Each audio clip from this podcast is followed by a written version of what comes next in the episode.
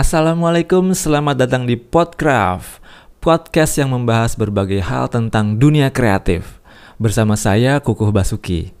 Di podcast pertama ini, saya ingin berbicara tentang sebuah hal yang cukup sering terjadi di kalangan pelaku kreatif, yaitu apa yang bisa kita lakukan saat sedang kehabisan ide, atau yang biasa disebut dengan istilah stuck, mentok, pokoknya yang menggambarkan suasana di mana kita merasa terhambat saat sedang mengerjakan sebuah karya.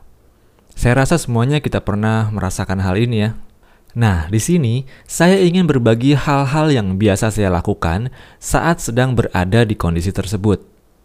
Yang pertama adalah biasanya saya akan keluar dari posisi atau kondisi yang sedang saya jalani saat itu.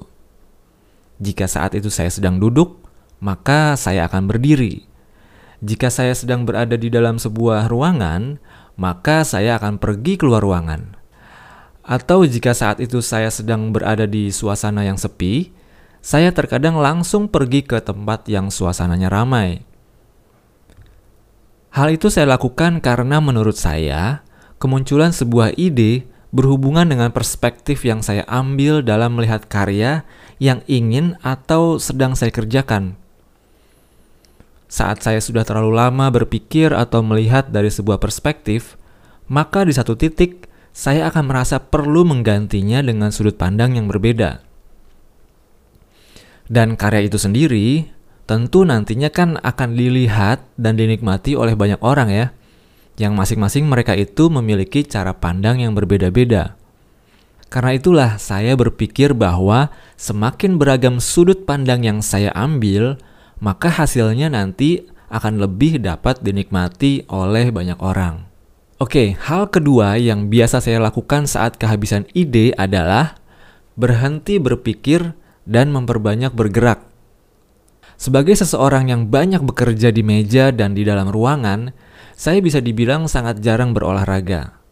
Namun di saat saya sedang merasa stuck, saya terkadang memutuskan untuk berhenti memikirkan tentang ide itu sendiri saya ubah mode komputer menjadi sleep, tinggalkan meja, lalu saya akan melakukan hal-hal yang banyak membutuhkan pergerakan tubuh, seperti membereskan ruangan, membersihkan rumah, menyapu, mengepel, mencuci baju, dan lainnya yang kira-kira yang bisa membuat saya sedikit kelelahan atau capek.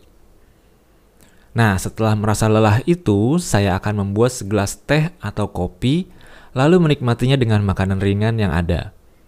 Ya cukup standar, tapi biasanya setelah itu akan ada ide-ide baru yang muncul sehingga proses dalam berkarya terasa menjadi lebih lancar. Ya mungkin karena perut terasa lebih kenyang, jadi lebih mudah berpikir ya. Lalu yang ketiga, jika saya masih membutuhkan begitu banyak ide dan saya belum mendapatkannya, maka hal yang akan saya lakukan adalah pergi menemui orang lain yang tentunya juga memahami tentang proses kreatif yang sedang saya jalani. Jika saya sedang mengerjakan sebuah animasi misalnya, saya akan pergi menemui teman saya yang memiliki profesi berbeda, seperti penulis atau sutradara, dan bukan pembuat animasi atau animator juga. Kenapa? Karena kalau saya berbincang dengan orang yang sedang mengerjakan hal yang sama, dengan profesi yang sama, kembali lagi, saya kurang lebih akan berada di kotak yang sama dan cara pandang yang tidak jauh berbeda. Sementara itu, jika kita berbincang dengan orang yang memiliki peran yang berbeda dengan saya, maka kemungkinan saya akan mendapatkan pandangan-pandangan atau pendapat-pendapat yang baru akan lebih besar.